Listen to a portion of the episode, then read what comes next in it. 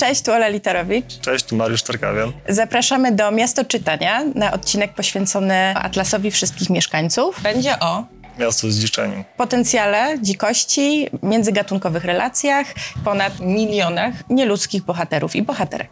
Zapraszamy. Tak.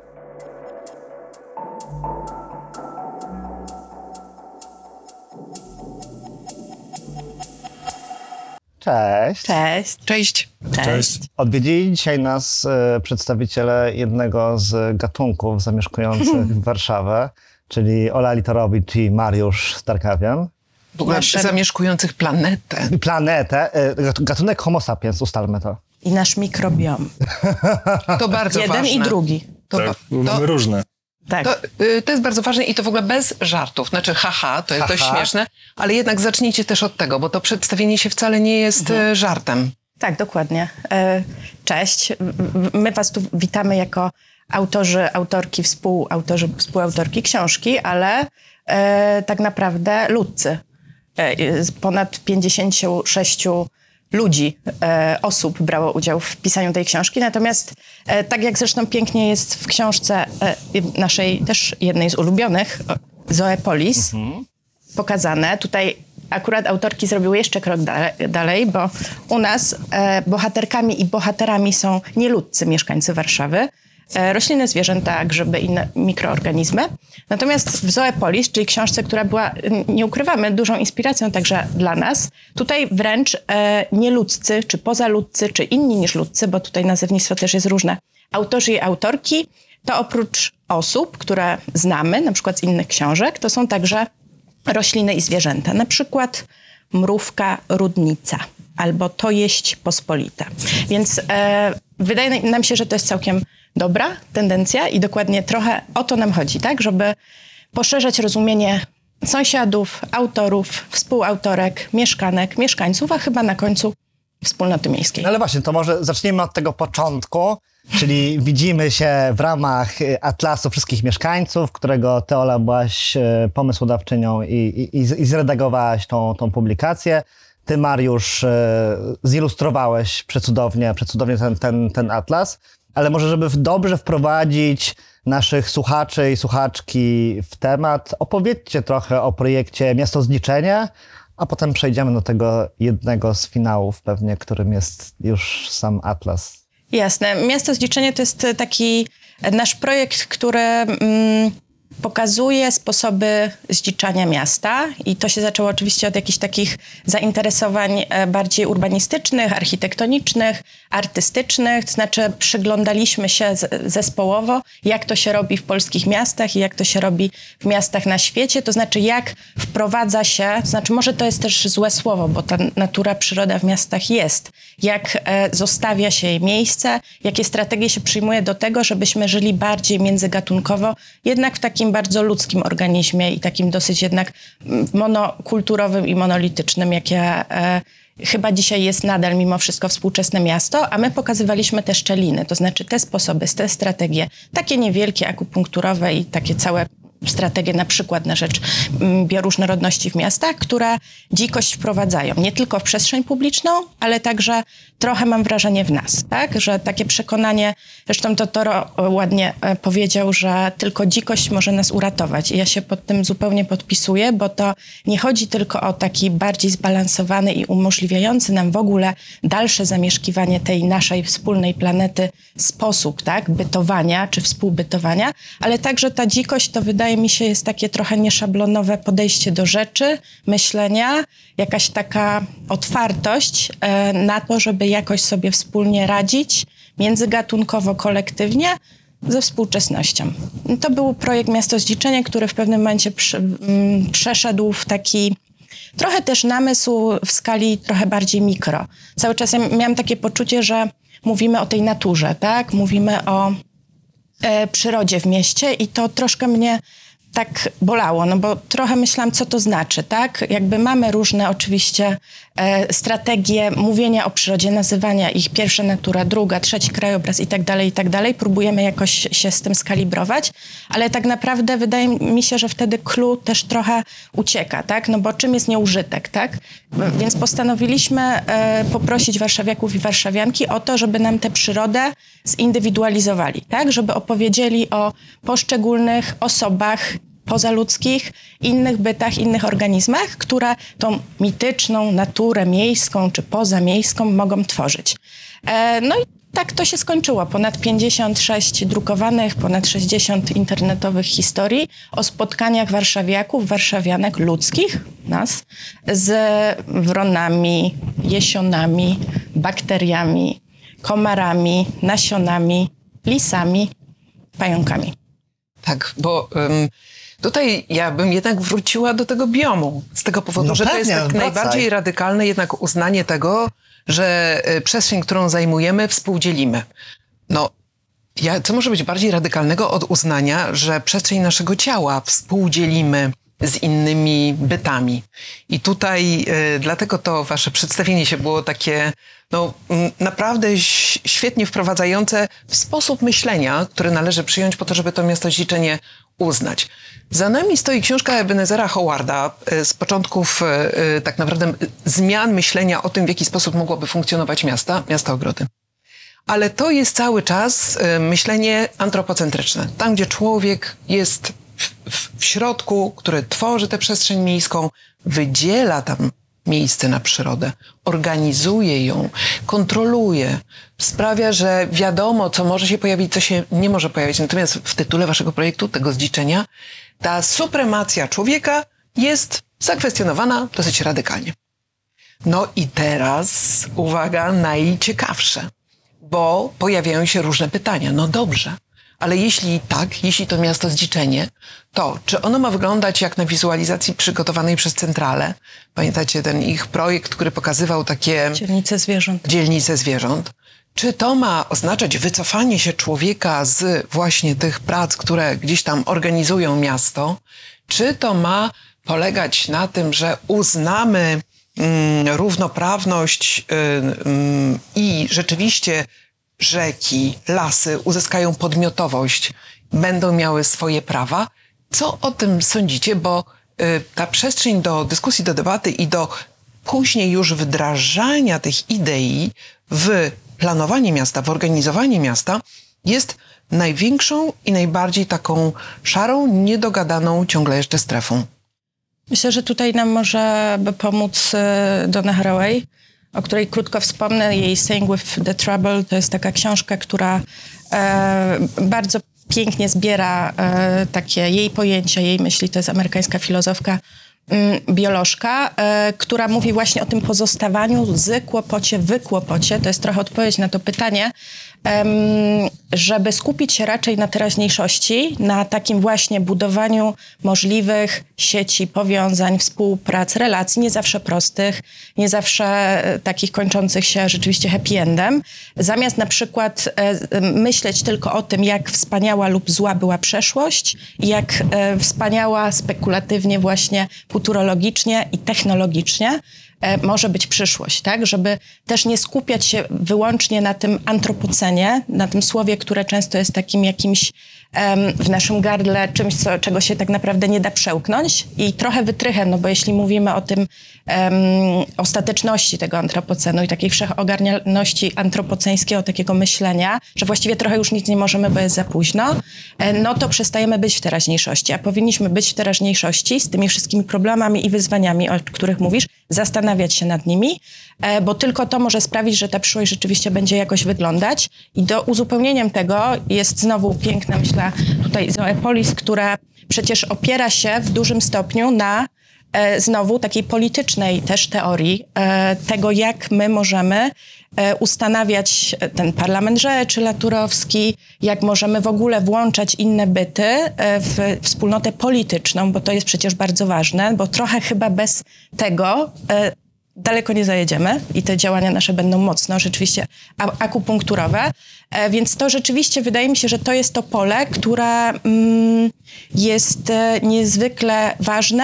Teraz e, musimy o nim myśleć, ale też jest bardzo ożywcze. No bo zobaczcie, po jakich my trajektoriach możemy sobie e, mm, chodzić, przechadzać się, myśląc o takim zupełnie nieoczywistym sposobie redefiniowania wspólnoty, ale też chyba takich pojęć, no bo co to znaczy na przykład nieużytek, albo co to znaczy wspólnota de facto, tak? Jeśli wchodzą nam tematy związane z innymi bytami, z nowym materializmem, nie tylko zresztą z bytami ożywionymi, także nieożywionymi. I też nie ukrywam, że kwestia polityczności tego, ale także prawna, o której wspomniałaś, czyli nadawanie osobowości, jakieś rzecznictwo w sprawie, to też wydaje mi się, że to jest jedna z najciekawszych e, rzeczy, która się dzieje. Mogliśmy to sobie niestety niedawno, myślę, jakoś mocniej zrewidować przy katastrofie Odry. Tak? To był taki moment, że zaczęli, że to się stało już z takiego poziomu te, teoretycznego i takiego, że gdzieś tam w Boliwii ta rzeka albo jest w konstytucji zapis, że natura jest jakby bytem, jest osobowością, mm, przeszło na taki grunt e, dramatycznie e, nasz, tak? Dramatycznie przyziemny. Tutaj musimy zrobić koniecznie e, przerwę techniczną. Przerwę techniczną. Tak, żeby przepiąć Oli mikrofon wyżej, bo e, obawiam się, że e, dźwięk Może będzie być, w dużym e, kłopocie. Przerwa techniczna. Przerwa to będzie techniczna. teraz takie, e, Takie- tak to będzie wyglądać, że będzie takie po prostu przyspie, przyspieszenie. Drrrr. Activating light speed. Zwalniamy Okej. i pojawia się Mariusz z zębem.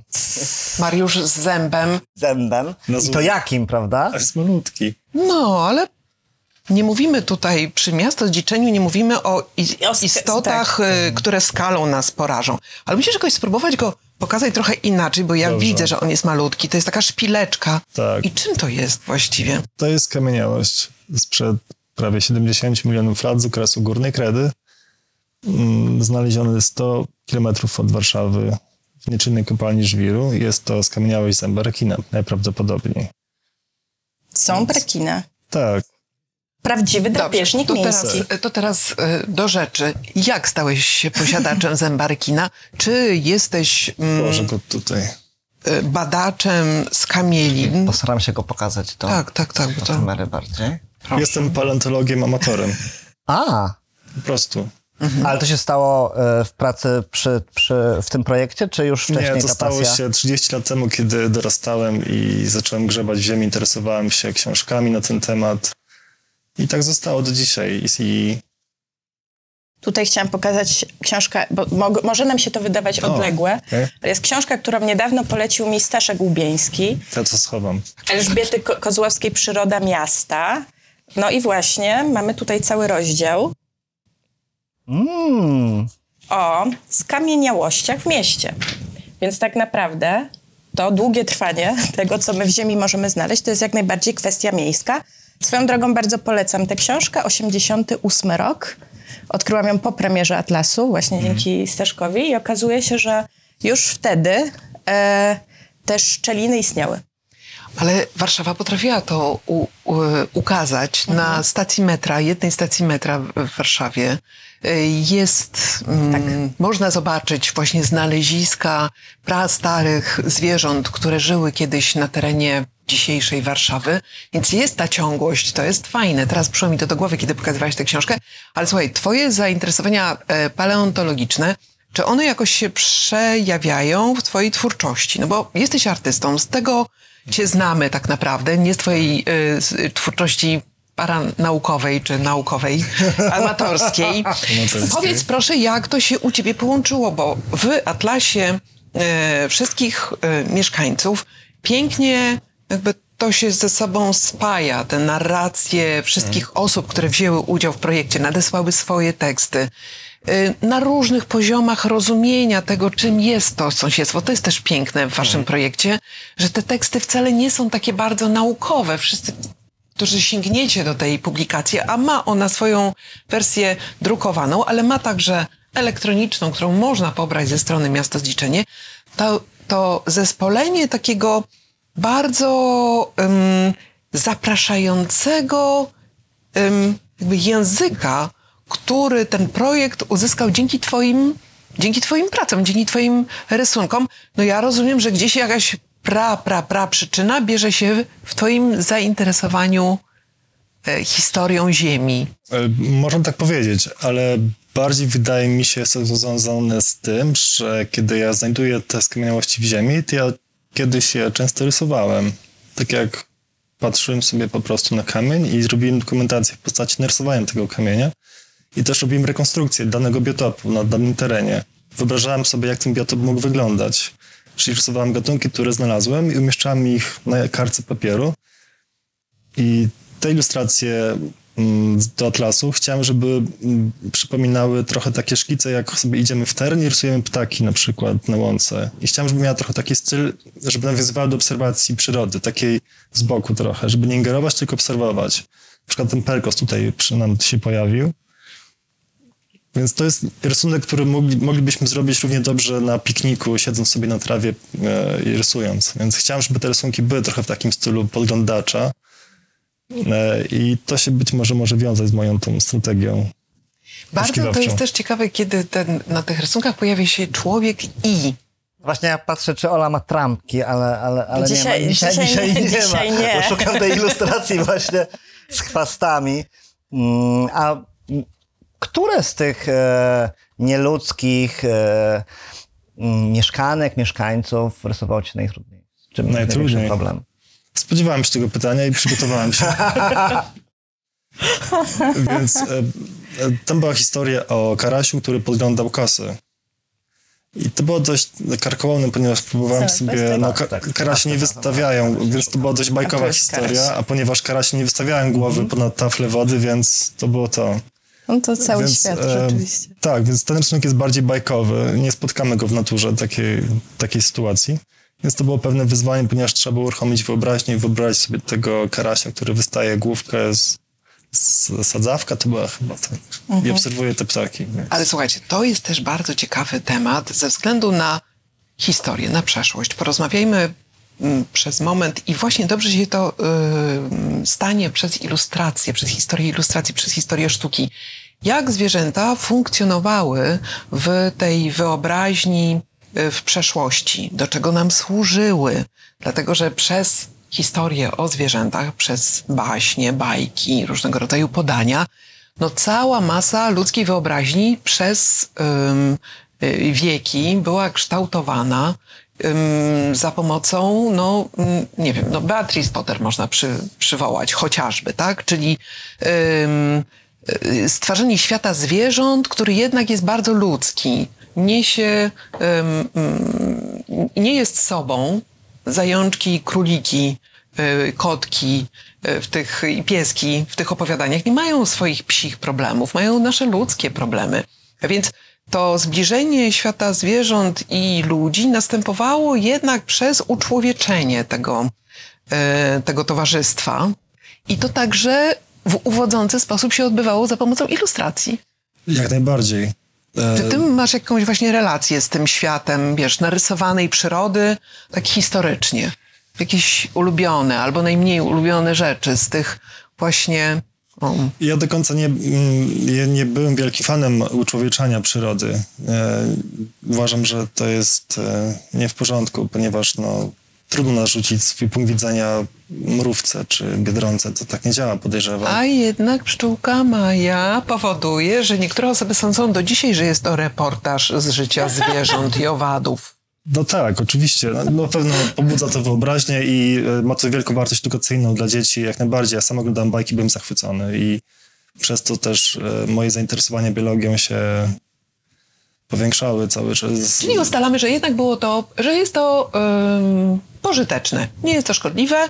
Nie należy tutaj No dobrze, e, tak. zbyt krytycznie do tego podchodzić. Uznajemy, że jest to coś, co pewnie należałoby jakoś zmodyfikować, krytycznie obejrzeć, ale generalnie ta faza, w której, i tutaj Ola słusznie wyciągnęła to fungarium, w której młody człowiek, czy w ogóle, no nie wiem, człowiek jest oszołomiony urodą świata przyrody, jakby każdy sposób do tego, żeby nas ze sobą zbliżyć, jest spoko.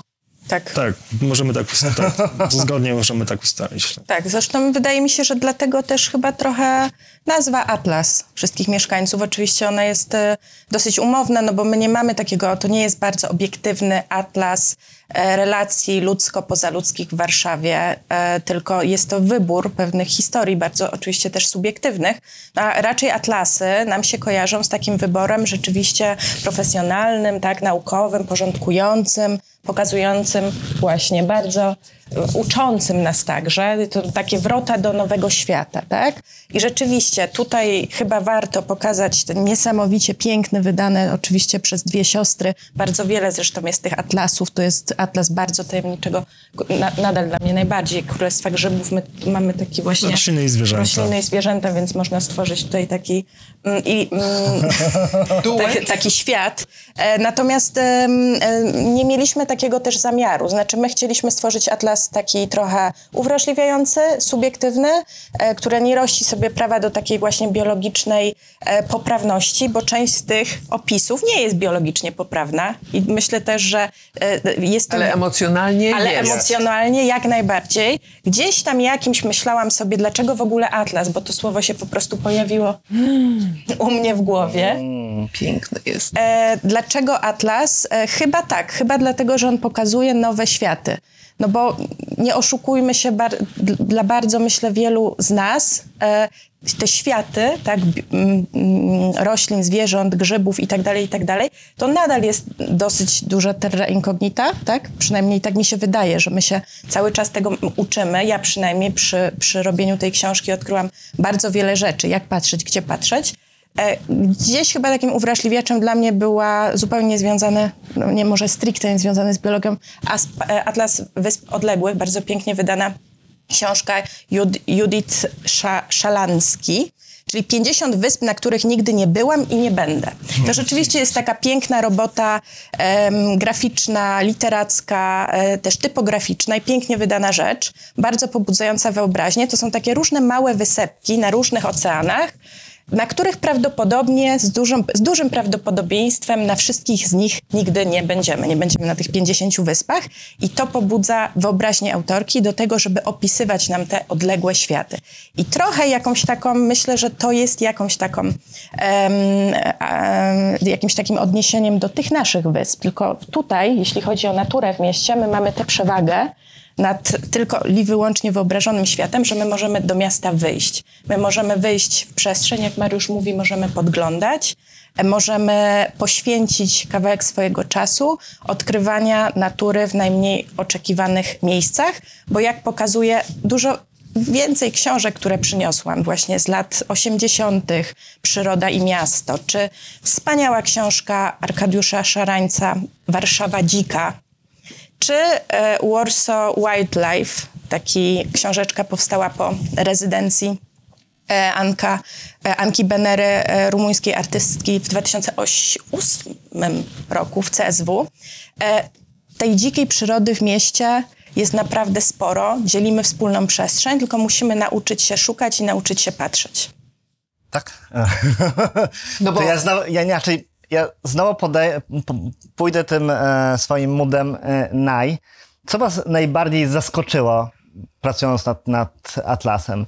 To może być odkrycie właśnie w pewien sposób e, literaturowy wokół, ale może też e, Tematy tych zgłoszeń. tematy tych Bo zgłoszeń. przecież każdy mógł napisać swoją opowieść i tu nagle się okazało, że ludzie mają relacje z... Znaczy, ja też chyba nie chcielibyśmy, żebyście którąś specjalnie wyróżniali, nie? No bo to, to też nie o to chodzi, ale na pewno Tak. mieliście jakieś takie wow, Tak.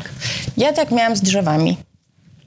E, oczywiście ba, ba, bardzo tak poznawczo ciekawe były e, zgłoszenia e, związane z tymi naszymi mikro różnymi e, sąsiadami i sąsiadkami, na przykład z, e, nie wiem, larwami komarów na Zakolu Wawerskim, czy nasionami, takie uświadomienie sobie, jak wiele ich jest i jak wielką robotę też z nami i za nas robią. Ale chyba mimo wszystko drzewa. To znaczy, nie spodziewałam się, że te jednak takie statyczne obserwatorzy, którzy są i stoją, miejmy nadzieję, że będą st- stały, które wydaje mi się, że trochę tak jak po prostu znaki, tak? Czy ludzie, których często mamy w zasięgu po prostu wzroku, czy, czy kontaktu, że czasem przestajemy na nie niestety zwracać uwagę. Miałam takie jakieś intuicje, tak? Że drzewa po prostu są i one są takimi tłem, trochę bohaterami tego drugiego planu. I okazało się, że nie. Okazało się, że nie dość, że jest tych e, zgłoszeń drzew bardzo wiele, to jeszcze w tych drzewach tak wiele siedzi. To znaczy, to są najczęściej jakieś właśnie takie długie historie, które są związane z drzewem, które jest drzewem dzieciństwa, tak? Bo się na wierzbie płaczącej bawiłam z koleżankami, co zresztą Mariusz z wyobraźni świetnie narysował. Albo, że jest to takie drzewo, które mijałem jako mały chłopiec, zafascynowany i zostałem biologiem, a dzisiaj jestem e, w towarzystwie den- dendrologicznym. Nasz znajomy zresztą biolog Adam Kapler, który e, te swoje bycie biologiem gdzieś tam wysnuwa, że początkiem może być ten jego codzienny kontakt z jesionem wyniosłym. To są wr- wreszcie jakieś takie e, historie związane z zupełnie wyobrażonym światem, jak zgłoszenie mm, siedmioletniej maliny, która Mira, pod Mirabelką, pod swoim domem, wytropiła, że tam mieszkają skrzaty. Więc te drzewa, e, myślę, że bardzo wiele nam mówią w takim też biografii, mają taki mocno biograficzny charakter. E, lubię sobie też myśleć, co one by powiedziały w drugą stronę. My niestety mamy niedoskonałe narzędzia e, i możemy tutaj być tylko narratorami troszkę w imieniu. Ale gdyby drzewa mogły opisać miasto w swój własny sposób, to myślę, że to by była chyba taka najpełniejsza, najpełniejszy atlas życia ludzkiego. Mowa, Mariusz? mowa entów. Mnie e, bardzo urzekła różnorodność e, tego, jak ludzie piszą o przyrodzie. To, że były tam wiersze, na przykład poezja, było dla mnie dużym zaskoczeniem. Nie spodziewałem się tej formy w tej publikacji. I dla mnie jako ilustratora było to też wyzwaniem zilustrować wiersz, bo nie robiłem tego wcześniej. No. I to, że one, mm, e, te opisy były bardzo e, zróżnicowane, naukowe, zwyczajne, zwykłe, bardzo mi to urzekło i najbardziej jeszcze w tej części teoretycznej na końcu zdam sobie sprawę, jak tej przyrody jest dużo. E, Są to bardzo ciekawe teksty, polecam. Możemy sobie zdać sprawę, jak wiele, wiele, wiele gatunków występuje razem z nami tutaj. Nawet kraby, o dziwo. Tak. Tak, dlatego, że tutaj trzeba powiedzieć, że ten atlas dzieli się y, na dwie części. W jednej są właśnie opowieści dotyczące tego współdzielenia y, przestrzeni miejskiej, ale w drugiej y, znajdziemy przewodnik po międzygatunkowym sąsiedztwie, który przynosi naprawdę masę świetnych, bardzo praktycznych, użytecznych, otwierających sposób myślenia, porad, w jaki sposób dostrzegać to współsąsiedztwo, ale tak naprawdę to y, przyszło mi do głowy, kiedy Ola mówiłaś o drzewach, takie spostrzeżenie, które wydaje mi się, że no, możemy odnaleźć w historii naszych miast w XXI wieku, że obrona drzew, wszystkie akcje związane z, z zatrzymywaniem wycinek drzew Tak. bardzo jednoczyły ruchy, które później mogły się przekształcać w ruchy miejskie, w ruchy sąsiedzkie, w ruchy takie promiejskie. Mm, Dzisiaj mm, świadomość ekologiczna nie jest żadnym, y, nie jest, nie, jest, nie jest jakąś umiejętnością rzadką. Właściwie y, jest to coś, co stanowi bazę jakiegoś myślenia o tym, w jaki sposób powinniśmy rozwijać naszą miejskość. A więc tutaj tak naprawdę ta wasza praca dotycząca miastodziedzenia, ona pokazuje, że odbywa się pewien interesujący proces, który z jakiegoś powodu mm, jest ignorowany przez tych, którzy mają największy wpływ na kształtowanie miasta, czyli te osoby, które jakby mogłyby zadecydować o odbetonowywaniu, o właśnie zdziczaniu, Zostawianiu w spokoju. zostawianiu w spokoju, bo to czasami jest e, zamiast akcji po prostu brak akcji, który bardzo pomoże przyrodzie. To są wszystkie te mm, jakby napięcia, które powstają między e, tworzeniem też mód i wyobrażeń o tym, czym jest życie w mieście, a właśnie tym światem, który wy tak pięknie wydobyliście. I tutaj ciekawa jestem, no, jaką rolę odgrywają y, ci nieludzcy mieszkańcy, mieszkanki, sąsiedzi nasi, na pewno takiego zapalnika. Weźmy, przepraszam Was bardzo, na warsztat krety. Kret jest głównym wrogiem osoby, która uważa, że działa bardzo na rzecz przyrody, bo ma wypieszczony ogródeczek. I tam pojawia się kret. Masz ogródek? Masz tam krety?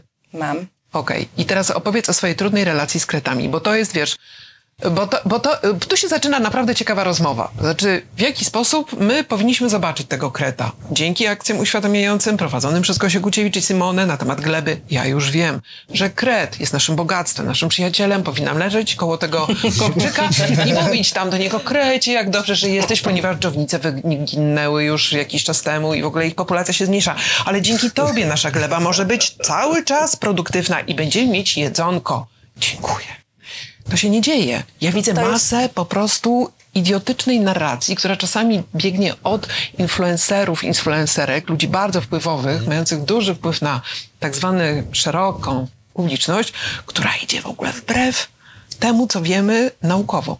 Kret to taka awangarda cy- cyrkularności rzeczywiście i jeśli sobie uświadomimy, że tą cyrkularność, którą planetarnie jakby odbywa się właśnie dzięki takim wojownikom krecim, czy, czy dżowniczym, e, czy gniciu, tak, i rozkładowi, i nasionom, i temu, że życie istnie, jest w stanie zaistnieć w ogóle w niespodziewanych dla nas momentach, to rzeczywiście zgadzam się, to się robi bardzo interesująca rozmowa.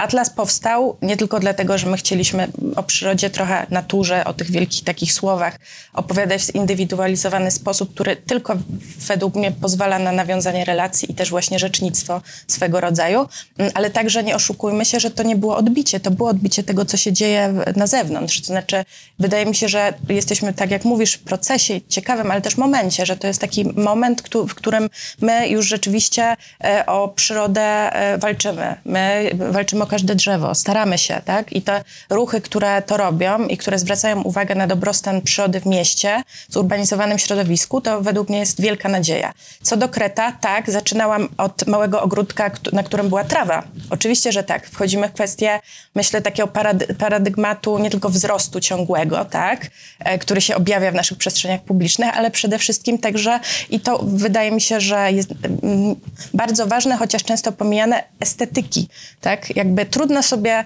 właśnie obraz inny do głowy wsadzić niż to, że jak mam kawałek ogródka, no i załóżmy nie sadzę warzyw, no to co? No to zasadzę trawę, tak? Ja też zaczynam od trawy i na tej trawie pojawiły się, pojawiały się kopce kreta. Mm, tylko chyba w odróżnieniu od różnych znajomych ojców, wujków i innych przyjaciół rodziny, którzy walkę z, kretem zrobili swoją misję życiową, m, też ich bardzo jednoczy ta walka z tym wrogiem, no bo mogą sobie o tym też rozmawiać, o różnych zasiekach i sposobach jakby wypleniania tej zarazy. Podobnie zresztą jest z dzikami, za- zauważcie, że o dzikach też mówimy w taki sposób, jak to by byli nasi wrogowie, jakby to był e, byt, który chce nam zrobić do, źle, to znaczy, że on jest złośliwy. Często tak, o tym myślimy, szczególnie o takich właśnie pojedynczych osobnikach, że, z którymi walczymy to no, po prostu ja zmieniłam zupełnie nastawienie, tak? E, Pomogło mi w tym słuchanie mądrych ludzi e, i to, że rzeczywiście być może jeszcze to nie to nadal jest trochę awangarda, ale ona rośnie w siłę i ja teraz mam ogród, który jest zdziczały. Znaczy jest, na razie jest pozostawiony sam sobie i rzeczywiście pod takim względem przyzwyczajeń estetycznych do tego, co to znaczy mieć zadbane miejsce, myślę, że to trzeba przełamywać, e, to, to jest najgorszy ogród na ulicy, ogródek na ulicy. Mm, Ale jestem bardzo szczęśliwa, bo co rano mogę oglądać flirty, balety, spotkania bardzo różnych e, owadzich i nie tylko stworzeń. Teraz też myślę o tym, żeby założyć na tym kawałku ziemi. Jestem wielką szczęściarą w ogóle, że mam kawałek, e, kawałek ziemi do tego, żeby na przykład założyć jakieś za, założenie wodne, założyć założenie wodne i sprawić, żeby ta natura znowu językiem centrali grupy projektowej i Oli Kędziorek jeszcze bardziej amplifikowała, tak? I wydaje mi się, że mm, tej drugiej części książki, nie tylko o tym, jak tę e, donicę założyć, przeczytacie, ale także przeczytacie o tej zmianie podejścia, zresztą tutaj w Dzikiej Warszawie także, że ta siła takich naszych indywidualnych praktyk, właśnie takich akupunkturowych, złożona w całość, szczególnie tutaj świętej pamięci Arkadiusz Szaraniec bardzo o tej takiej masie, która się z tych pojedynczych ruchów tworzy, jest w stanie wprowadzić zmianę, mówił. Jesteśmy w stanie zrobić większą zmianę. E, O tym pomyślał na przykład Londyn, to jest dobry przykład, kiedy zaczął zastanawiać się nad swoimi ogródkami przydomowymi. Tak, znamy domki londyńskie, szeregowe z ogródkami. Okazało się, że to jest 25% powierzchni miasta. No i to już robi różnicę, tak? E, jeśli złożymy to w jakiś taki zasób, który może służyć nie tylko nam i nie tylko właśnie naszym potrzebom rekreacji i także naszym potrzebom estetycznym, tylko może być urządzony w zupełnie innym, jakimś takim międzygatunkowym paradygmacie, nagle się okazuje, że to jest jedna czwarta miasta, ale też, że to mogą być ciągi przyrodnicze, zielone, ekologiczne, które mogą nas przez to miasto zupełnie inaczej przeprowadzić, ale do tego też potrzeba oprócz edukacji pokazywania właśnie innego, Na Mariusza patrzymy. innego sposobu mm, w ogóle funkcjonowania życia w mieście. Tak mi się wydaje, że to jest jakby właśnie spojrzenie na ten zarośnięty ogród, na tą łąkę kwietną, tak?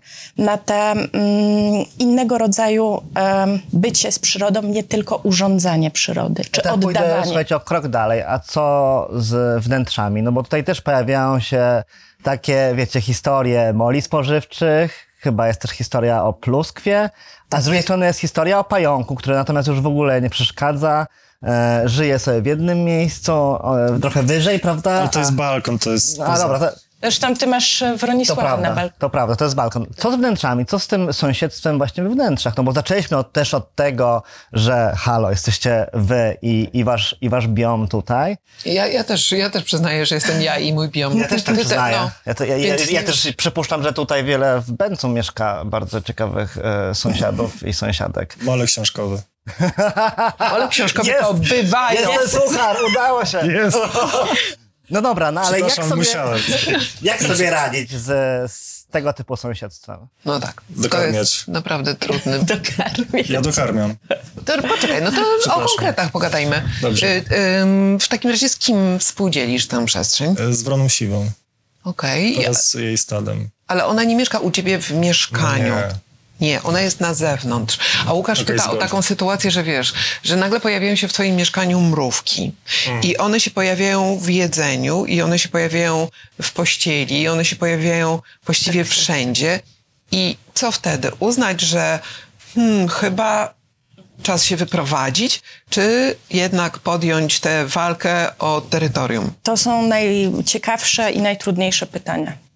Bo zawsze jak zaczynamy mówić o właśnie innych bytach w naszym mieszkaniu, które nam utrudniają życie i walczyć na przykład, mówić o swojej insektofobii, która rzeczywiście jest chyba trudna do, do przejścia na przykład, e, to, no to, to, to jest ten moment, kiedy my sobie rzeczywiście rewidujemy różne nasze mm, ideowe założenia i chyba mieszkanie jest tym na- najtrudniejszym miejscem, tak, no bo jesteśmy tam chcąc, nie chcąc w jakiś sposób, jeśli już to współżycie zaistnieje na siebie, mm, na siebie skazani. E, I, I ja trochę tak wychodzę z założenia, że mm, nie ze wszystkimi osobami ludzkimi też muszę mieć intensywne relacje, czy chcę, tak? Pełna zgoda. Nie, niekoniecznie zawsze zatrybi tak od pierwszego momentu, albo Oczywiście. nie zawsze znajdziemy wspólny język. Nie ze wszystkimi też mieszkamy. To prawda. I nie ze wszystkimi musimy mieszkać, mieszkać, czy też nie możemy przecież mieć swoje pewne granice, tak? I nie oszukujmy się, na tym polega pojęcie jakiejś takiej dojrzałej wspólnoty, tak? To nie jest taka romantyczna bajka, że my będziemy właśnie hasać sobie razem tylko na łąkach z jelonkami, Bambi, ale także właśnie będziemy musieli wkładać nasze produkty spożywcze do e, słoików, żeby e, nie, nie mieć tych moli spożywczych. No i co ja robię? Jeszcze chwileczkę, jeszcze chwileczkę, Mamy gościnie. jeszcze chwileczkę potrzebujemy. E, Ja się sama obserwuję, tak? Szukam swoich granic. Niektóre mm, e, stworzenia w ogóle mi nie przeszkadzają. Cieszę się z ich obecności, jak na przykład z pająków. E, Ale jeśli pojawiają się mrówki, no to przeszukuję internet w, w poszukiwaniu albo pytam osoby, które się na tym znają, jak tych gości w sposób delikatny, ale zdecydowany z mieszkania wyprosić. Na przykład Przekierować. przekierować jakimiś takimi ścieżkami wysypanymi bodajże z oregano, tak? albo jak sprawić, żeby ta kuna niekoniecznie wyjadała y, jakieś tam części od dołu samochodu, no to też or, y, chili. I to zadziałało w obu przypadkach, tak? E, więc... E, Czyli w ogóle bardzo po, polecam, również na pieski, które lubią gryźć w stopy. Ym, naprawdę, Naprawdę? Tak, tak, tak, że nacieranie ym, chili, czyli połączenie wiedzy o roślinach i, y, i zwierzętach, w tym świecie zwierzęcym, daje bardzo dobre rezultaty. Ale cieramy to w skarpetki czy w skórę? Y, w buty, najlepiej. I to jest w ogóle dobrze. bardzo. y, Temat był gorący już w tych 80., kiedy Elżbieta Kozłowska, ciekawą bardzo książkę o przyrodzie w mieście, rozpoczęła rozdziałem Nasi współmieszkańcy. I tu się wydaje, że będziemy właśnie rozmawiać o tych wszystkich nieludzkich stworzeniach, e, które są A w przestrzeni. tutaj- A tutaj mamy mrówki faraona, rybiki, prusaki, mole i kołatki. Ja się z rybikami witam na przykład w łazience. Nie, to I, Ale one uciekają. i One sposoby, uciekają, tak, nie chcą tak, się tak. widać. I sposoby ich eksterminacji. A nie, to już tego nie przewidywaliśmy. Więc tak, więc ten e, po przejściu tego rozdziału rzeczywiście zaczyna się robić e, może bardziej współcześnie. No ale poczekajcie, bo to też trzeba rozumieć w jakimś takim planie historycznym. Architektura jest tworzeniem przestrzeni dla człowieka, przestrzeni bezpiecznej, przestrzeni, w której może czuć się, jakby to powiedzieć, no jednak z tej y, przyrody, która przez wieki zagrażała człowiekowi w sposób, no taki powiedzmy, że Dużo rzeczy mogło mu się wydarzyć w tej przyrodzie i czuł się zagrożonym. Więc ta architektura była takim narzędziem odgrodzenia się, stworzenia sobie takiego własnego terytorium, na którym właśnie ta izolacja będzie powodowała bezpieczeństwo. Dzisiaj trochę nad tym jakby roz- rozluźniamy tę decyzję, tę decyzję, tę dyskusję. Przemyśliwamy, czy rzeczywiście ta architektura musi być taka radykalnie izolująca, czy ona nie powinna być raczej porowata, czy ona nie powinna być jak gąbka, czy ona nie powinna mieć jakichś innych e, właściwości, jeśli chodzi o strukturę, właśnie, żeby to przenikanie się światów było nie tak ostre.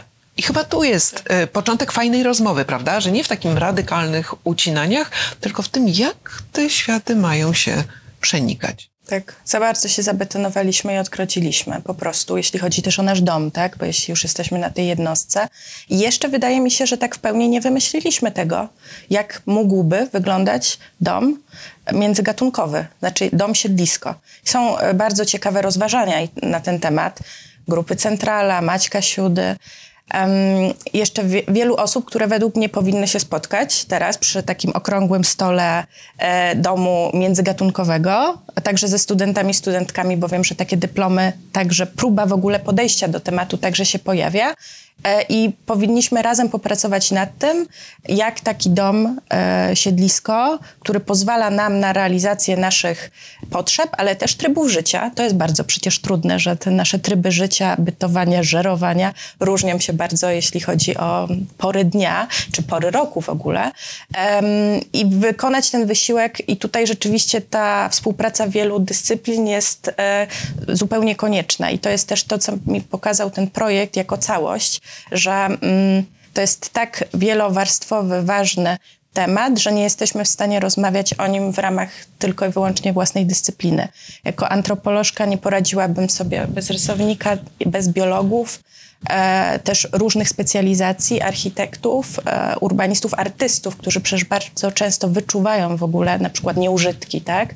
Teraz e, dzisiaj mamy Biennale Nieużytków, kiedy się artyści, artystki e, odkrywali, kiedy my w ogóle nawet nie, nie spoglądaliśmy w tamtą stronę. E, I to też według mnie jest e, ożywcze znowu e, i bardzo dające nadzieję. Tak. Dobrze. Ale to jest ten dom wielogatunkowy, myślę, że jest całkiem piękną puentą naszego spotkania i Tak, bo też daje nadzieję i jest takim wyzwaniem dla wszystkich, którzy chcieliby go rysować, projektować. Mieszkać. Mieszka o, Mieszkać. mieszkać. O, wyzwanie to jest atlas wszystkich Żebyśmy mieszkańców. chcieli razem ze sobą mieszkać. No właśnie. To jeszcze na koniec szybkie pytanko. Jak dostać fizyczny egzemplarz e, tego? Skąd go zdobyć? Bo pewnie osoby e, po obejrzeniu odcinka, przed obejrzeniem odcinka będą bardzo zainteresowane. Za chwilę będzie w e, internetowym sklepiku Benca. Tak, w naszej księgarni internetowej. Tutaj wszystkich bardzo zachęcamy, którzy nie są z Warszawy, którzy nie mogą fizycznie mm, dostać od Was egzemplarza. E, Czyli e, mieszkańcy do naszej poza księgarni. Warszawę też mogą. Zachęcamy, tak, zachęcamy do Czyli ja takiego, mogę. do takiego spotkania z nami jeden do jednego e, w Warszawie, w centrum. Proszę do nas pisać na fejsie, Mhm. na mail kontakt miastozdziczenie.pl. Ale tak, jest duże zainteresowanie też atlasem z innych miast, co jest super, albo od osób, które nie mogą po prostu do nas przyjść i tego atlasu i się z nami poznać po prostu w taki sposób. I tutaj zachęcamy bardzo do odwiedzenia sklepiku. No i jest I oczywiście wersja... innych książek, na przykład takiej dzikość. Ja teraz będę nadrabiać w ogóle książki, których nie czytałam, bo Ponieważ pisaliśmy. pracowałaś nad, e, Tak, pracowałaś i nad wydaje mi się, że ta dzikość to jest też coś, co jest na pewno warte takiej poznawczej konsumpcji. No a poza tym jest jeszcze wersja elektroniczna, jest PDF, można do niego Tak. zerkać. I jest więcej tych historii w, w, na stronie Tak, waszej, nie? na stronie atlas.miastozdziczenie.pl jest atlas w wersji online, a wszyscy, cała publikacja także jest po prostu darmowa, więc tutaj ten dostęp jest na wszelkie sposoby możliwe. No to w takim razie bardzo Wam dziękujemy za y, wizytę. Również y, chciałam szczególnie tutaj Podziękować Zębowi. Zębowi, czyli jakiejś takiej pamięci gatunków, które współzamieszkiwały z nami te tereny, na których miasta wyrosły, rozrastają się, a teraz ulegają takiej pięknej e, reinterpretacji, jak ten Wasz projekt, którego materializacją jest Atlas wszystkich mieszkańców. Dzięki wielkie, dzięki, Dzięki Ola. wielkie. wielkie. Dzięki. Dzięki. Mariusz.